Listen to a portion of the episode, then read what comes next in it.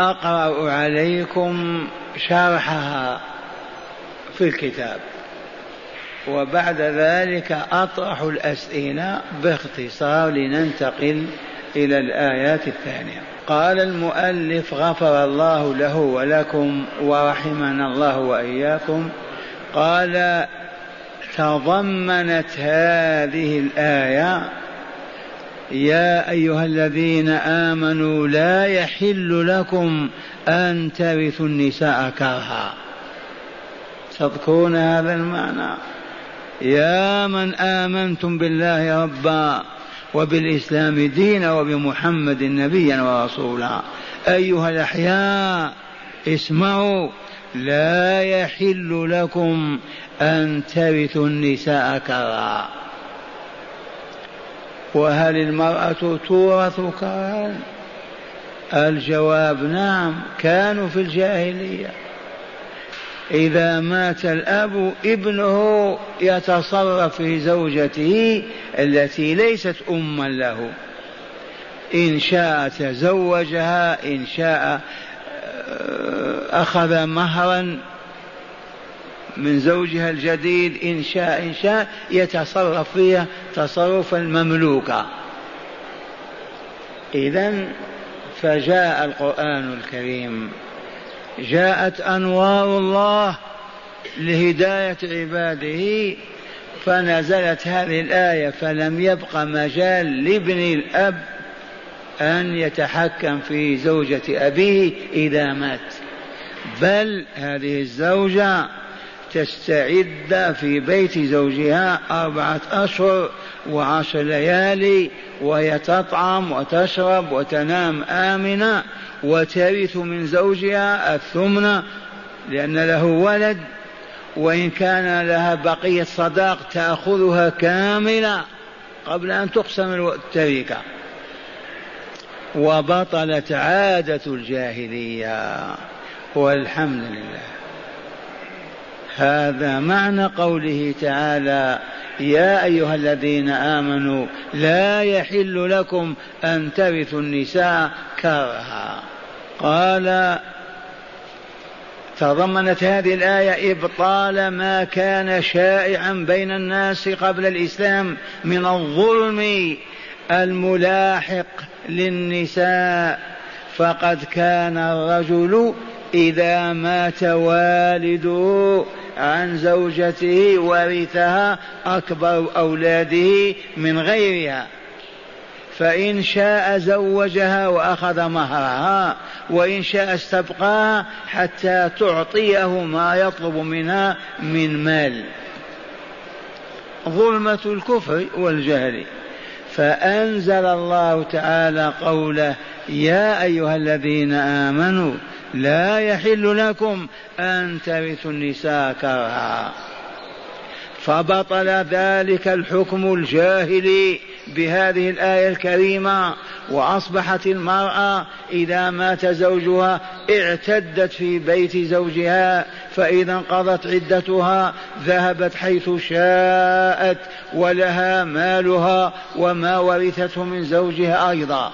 وقوله تعالى ولا تعضلوهن لتذهبوا ببعض ما آتيتموهن إلا أن يأتين بفاحشة مبينة مبينة. هذه الآية الثانية. فهمتم بالأمس معناها قال فهذا حكم آخر غير الأول. فهذا حكم آخر وهو أي هذا الحكم أنه يحرم على الزوج الفحل. إذا كره زوجته يحرم عليه أن يضايقها ويضارها حتى تفتدي منه ببعض مهرها. إذ من معاني العضل المضايقة والمضارة. هذا ما لم ترتكب الزوجة فاحشة الزنا أو تترفع عن الزوج وتتمرد عليه وتبخسه حقه في الطاعة والمعاشرة بالمعروف. أما إن أتت بفاحشة مبينة لا شك فيها أو نشزت نشوزا بينا فحينئذ للزوج أن يضايقها حتى تفتدي منه بمهرها أو بأكثر. حتى يطلقها. وذلك لقوله إلا أن يأتينا بفاحشة مبينة. كأن سامع سمعت الدرس وشكت اليوم وتقول أنا محسنة لزوجي.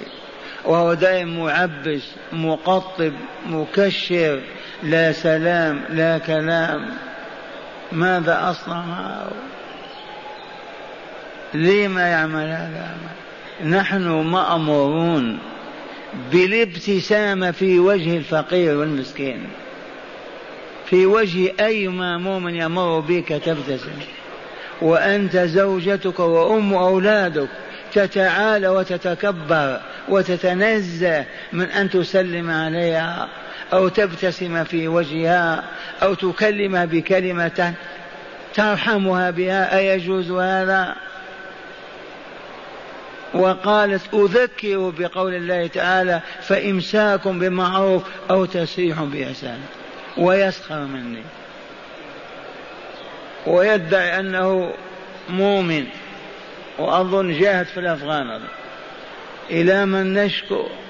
ما علة هذا الجهل الذي ما يتربى في حجور الصالحين. تقول المؤمن أنا أربي أولاده وهو يعاكسهم كل يا فلان بيسار يقول له كل بيسارك أي بني كل بيمينك الشياطين تأكل بشيء يقول له خليه يأكل. هكذا. هيا نخرج من هذه المحنة. والله لا خروج إلا بالعودة إلى أن نجتمع في بيوت ربنا كل ليلة نتعلم الكتاب والحكمة. ونزكي أنفسنا ونهذب أخلاقنا يوما بعد يوم. أما نعيش في في الشوارع والدكاكين والملاهي والملاعب وتريد منا أن نكمل هذا الكمال؟ مستحيل. غير ممكن أبدا. عرف هذا عدونا الثالوث الأسود. المجوس واليهود والنصارى فصرفونا عن القرآن وأبعدونا عن السنة وربطونا بمؤلفات فقهية وظنوا أننا بهذا نصبح ربانيين. وقد نجحوا هبطنا من علياء السماء إلى الأرض وأذلنا الله لهم. وها نحن نتملقهم حتى في البرانيط أولادنا نلبسهم برانيط في المسجد النبوي. ونحن الآن نشعر كالبهائم. أماتونا. متنا وإلا لا. ما هي الروح يا عباد الله؟ يا أهل القرآن. قولوا ما الروح؟ القرآن. من هجر القرآن وتركه وجهله وأصبح يقع على الموتى حي هذا ميت إذا قال وقوله تعالى ولا تعضلوهن لتذهبوا ببعض ما آتيتموهن إلا أن يأتين بفاحشة مبينة فهذا حكم آخر غير الأول وهو أنه يحرم على الزوج المؤمن إذا كره زوجته لدمامة وجهها لسوء خلقها لسلاطة لسانها لأمر ما. لا يحل أن يضايقها ويضارها حتى تفتدي منه ببعض مهرها. إذ من معاني العضل المضايقة والمضارة. هذا ما لم ترتكب الزوجة فاحشة الزنا. تبهتم؟ أما قال إلا أن يأتين بفاحشة. ما لم ترتكب الزوجة فاحشة الزنا أو السحاق كما عرفتم أو تترفع عن الزوج وتتمرد عليه وتبخسه حقه في الطاعة والمعاشرة بالمعروف. أما إن أتت بفاحشة مبينة مبينة قراءتان لا شك فيها أو نشزت نشوزا بينا واضحا فحينئذ للزوج أن يضايقها حتى تفتدي منه بالمهر الذي دفعها أو أقل أو أكثر. هذه أحكام الله ولا لا؟ هل ترقى البشرية إلى مثلها والله ما تصل. قال وذلك لقوله تعالى إلا أن يأتين بفاحشة مبينة. قال ثم أمر تعالى عباده المؤمنين أمر عباده المؤمنين ونحن منهم بماذا أمرهم؟ قال بمعاشرة الزوجات بالمعروف وهو العدل والإحسان. ما هو مجرد عدل فقط العدل والإحسان. والإحسان يتجلى في الكلمة الطيبة والمعاملة الحسنة والمؤانسة وحب ما تحب المرأة من طعام أو شراب وكره ما تكره لتتلائم الأجساد وتصبح كالجسد واحد. ونعم لما سمي الزوج زوج زوجته المرأة أصبحت زوج وإذا كان فردا هي سميت زوجة لما؟ لأن الرجل زوجها أصبحت. إذا هما جسم واحد. كيف تؤذي جسمك أنت؟ كالذي يأخذ حربه ويطعن في جسمه. قال وإن فرض أن أحدا منكم يا معشر الفحول كره زوجته وهي لم تأتي بفاحشة مبينة. ماذا عليه؟ قال فليصبر عليها ولا يطلقها فلعل الله تعالى يجعل في بقائها في عصمته خيرا كثيرا. له نتيجة خيرا كثيرا له نتيجة الصبر عليها وتقوى الله تعالى فيها وفي غيرها. فقد يرزق منها ولدا ينفعه. وقد يذهب من نفسه ذلك الكره ويحل محله الحب والمودة. وحديث المصطفى بالأمس لا يفرق مؤمن مؤمنا إن كره منها خلقا رضي منها آخر. لعل ما فهم المستمعون يا عبد الله إذا كرهت من زوجتك خلقا لا تأخذ في ضربها وتشتيم بتشميتها وأذيتها أو من أول يوم اذهب عني وتطلقها لأنك تملك ما تتزوج به.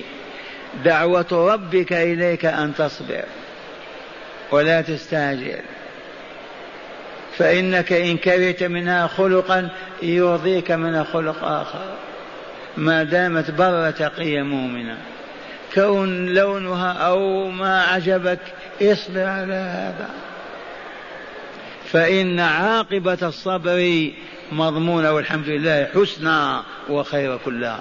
قد تعقب لك ولدا تعيش وتتم حياتك على نفقته وعلى كفالته. هذا توجيه الله وتوجيه الناس. هذا توجيه الله.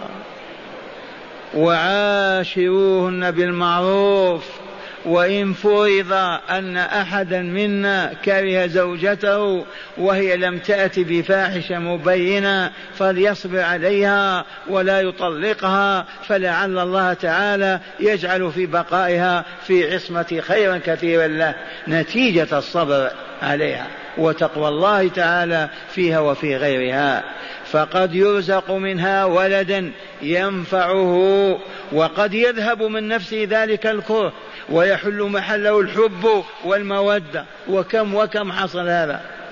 والمراد أن الله تعالى أرشد المؤمن إن كره زوجته أن يصبر ولا يطلق لما في ذلك من العاقبة الحسنة. قال لأن الطلاق بغير موجب غير صالح ولا مرغوب للشارع للشارع. وكم من وكم من أمر يكرهه العبد ويصبر عليه فيجعل الله تعالى فيه الخير الكثير. قال هذا ما تضمنته الآية الأولى. أما الآيتان بعدها فقد تضمنتا أولا تحريم أخذ شيء من مهر المرأة. إذا طلقها الزوج لا لإتيانها بفاحشة ولا لنشوزها ولكن لرغبة منه في طلاقها ليتزوج غيرها. في هذه الحال لا يحل له أن يضارها لتفتدي منه بشيء ولو قل. ولو كان قد أمهر قنطارا من الذهب والفضة فلا يحل أن يأخذ منه فلسا واحدا فضلا عن دينار أو درهم. لأن بعض الماديين الجهلة ما تعجبه الماء يأخذ في مضايقتها و إضغط شدد كذا حتى تمل. تقول طلقني أخذ ما أعطيتك هل يحل هذا؟ والله ما جاز. ولا فلس واحد يجوز إذا هي كرهتك وما أحبتك وترفعت عنك وما أرادتك وأصبحت تتصل بفلان وفلان في هذه الحال لك أن تضايقها وتقول تعطيني كذا وأطلق. هي راغبة في الطلاق. وهذه هي المخالعة التي تقدمت في سورة البقرة. قال معنى هذا معنى قوله تعالى وإن أردتم استبدال زوج مكان زوج وآتيتم إحداهن قنطارا فلا تأخذوا منه شيئا. أتأخذون بهتانا أي ظلما بغير حق و وك وكذبا وافتراء وإثما مبينا أو مبينا. أي ذنبا عظيما. هذا التوبيخ من الله عز وجل. والإنكار أتأخذونه أيها الرجال الذين ضايقوا نساءهم حتى يفتدوا منهم. أتأخذونه بهتانا أي ظلما بغير حق وكذب وكذبا وافتراء وإثما مبينا أي ذنبا عظيما. ثم قال تعالى منكرا على من يفعل ذلك. وكيف تأخذونه؟ أي بأي وجه يحل لكم ذلك؟ والحال أنه قد قد أفضى بعضكم إلى بعض أي بالجماع. إذ ما استحل الزوج فرجها إلا بذلك المهر. فكيف إذا يسترده أو شيئا منه بهتانا وإثما مبينا؟ آمنا بالله. فقال تعالى وكيف تأخذونه؟ وقد أفضى بعضكم إلى بعض. وقوله تعالى واخذنا منكم ميثاقا غليظا يعني عقد النكاح فهو عقد مؤكد. يقول الزوج نكحتها على مبدأ إمساك بمعروف أو تسريح بإحسان. فأين التسريح بإحسان؟ إذا كان يضايقها حتى تتنازل عن مهرها أو عن شيء منه. هذا ما أنكره تعالى بقوله وكيف تأخذونه؟ إذ هو استفهام إنكاري وتعجب أيضا. كيف يتم هذا؟ سمعتم هذا الشرح؟ اسمعوا الآيات المشروحة.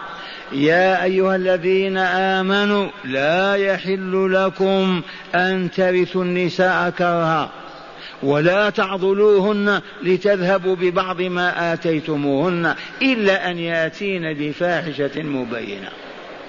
وعاشروهن بالمعروف. فإن كرهتموهن فعسى أن تكرهوا شيئا ويجعل الله فيه خيرا كثيرا. وإن أردتم استبدال زوج مكان زوج وآتيتم إحداهن قنطارا فلا تأخذوا منه شيئا. أتأخذونه بهتانا وإثما مبينا؟ وكيف تأخذون وقد أفضى بعضكم إلى بعض وأخذن منكم ميثاقا غليظا. إن شاء الله استقرت هذه الأحكام في أذهان الأبناء والمستمعين. ونطبق وإلا لا؟ أو ما في حاجة؟ يا ويل الذي يذهب الليل إلى بيته ويسب ويشتم هذه المؤمنة. أو يتكبر عليها. أما هداية هذه الآيات فهي ست هدايات أذكركم بها.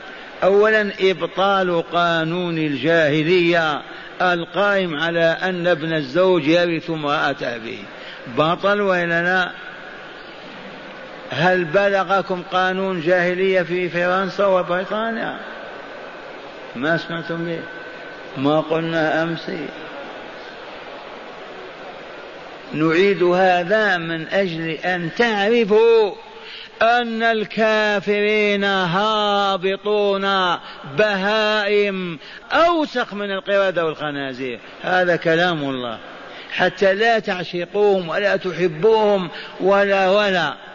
في بلديات فرنسا وفي بريطانيا يصح عقد نكاح رجل على رجل.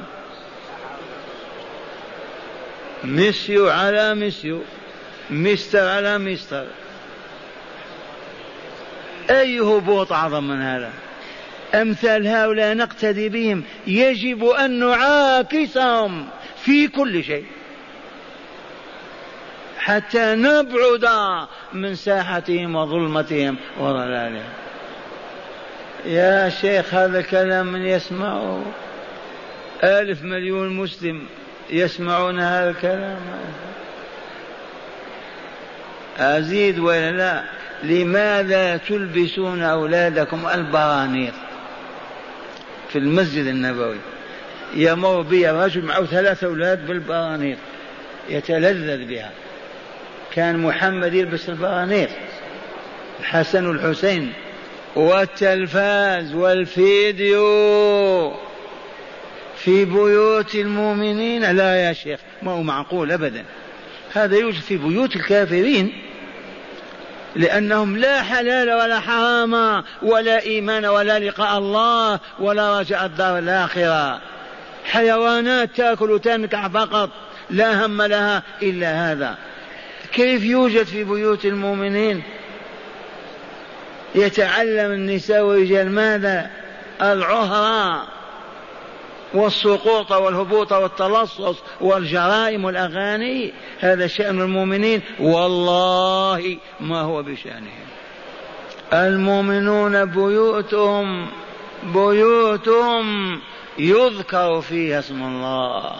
يتلى فيها كتاب الله. لا أن تصبح موبآت للشياطين يدخلون ويخرجون الليل والنهار. هل فهمتم؟ أو يقول هذه رجعية هذا تخلف هذه الكلمات يلقيها الشيطان في صدور أوليائه. تعال إذا كنت منطقيا عليما واعيا نتناقش نبين لك من منكم يرفع رأسه ويده؟ من؟ ما عندنا واحد. عدنان انت في بيتكم تلفاز.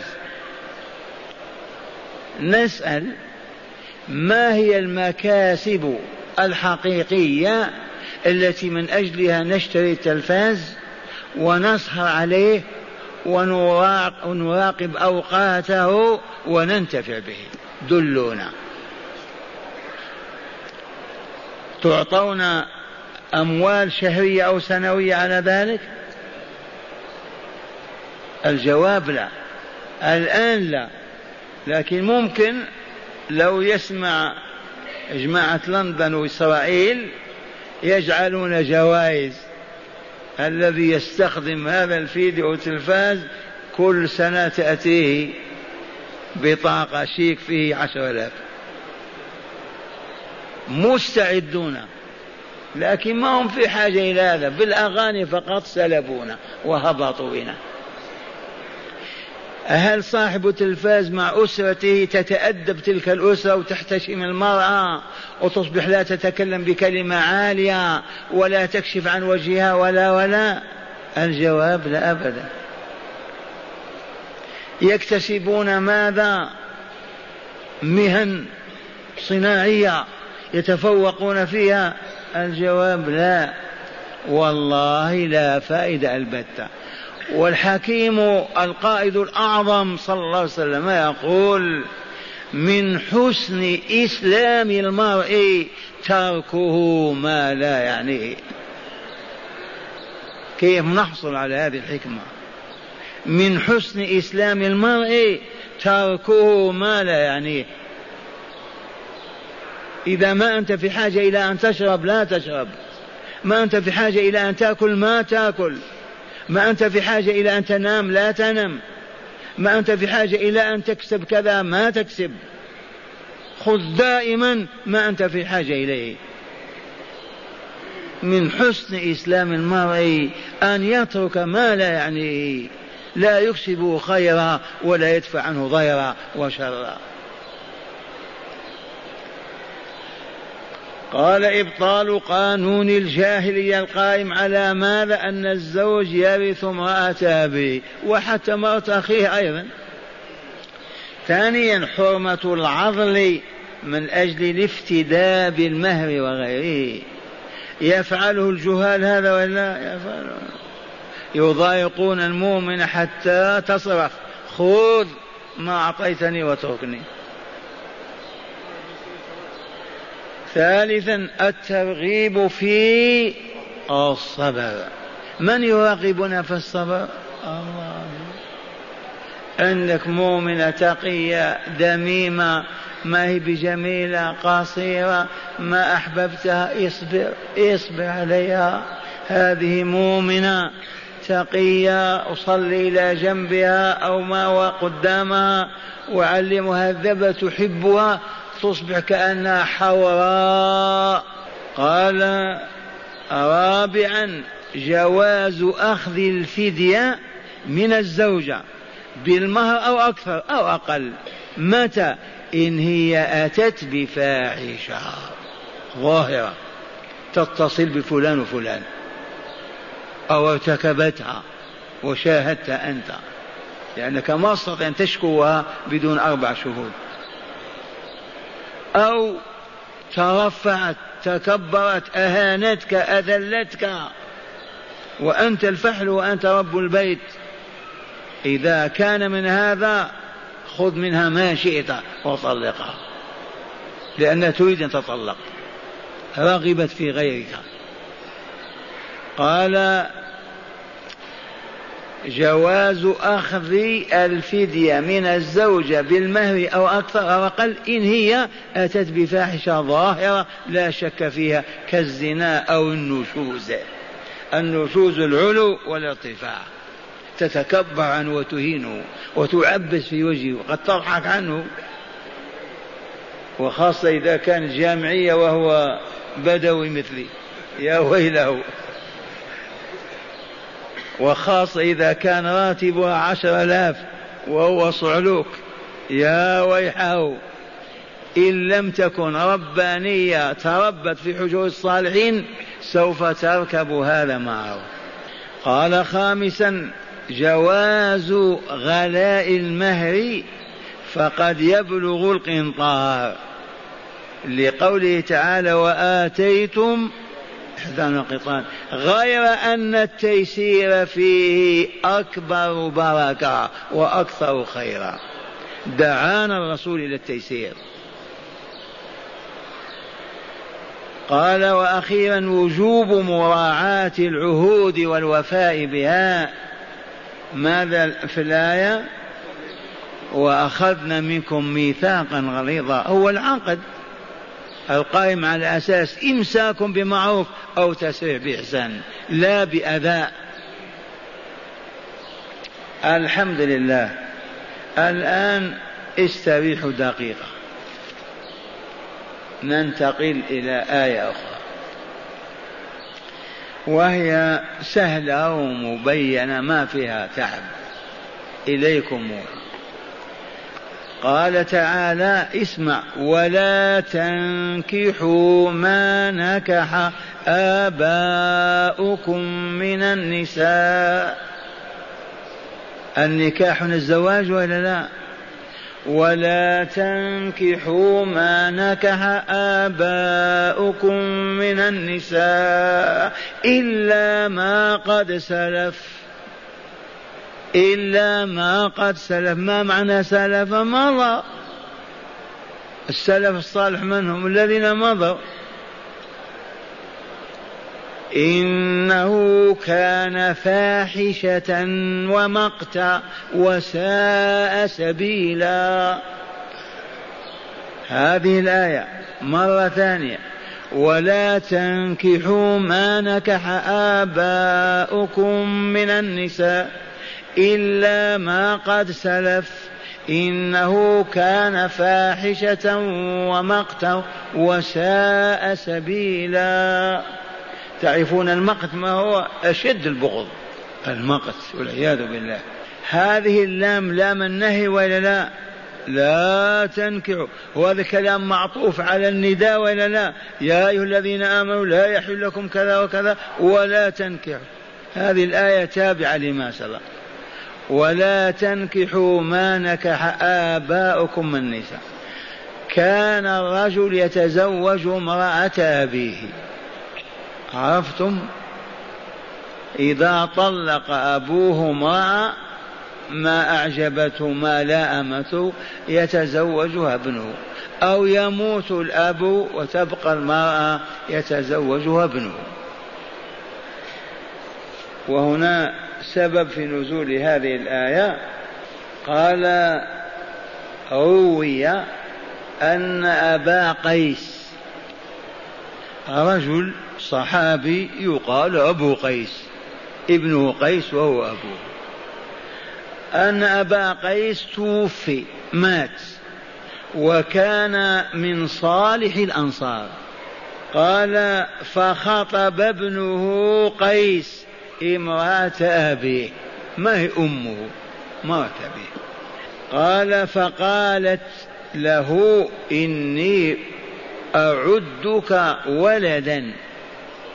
قال ولا قالت ولكني آتي رسول الله صلى الله عليه وسلم فأسأله.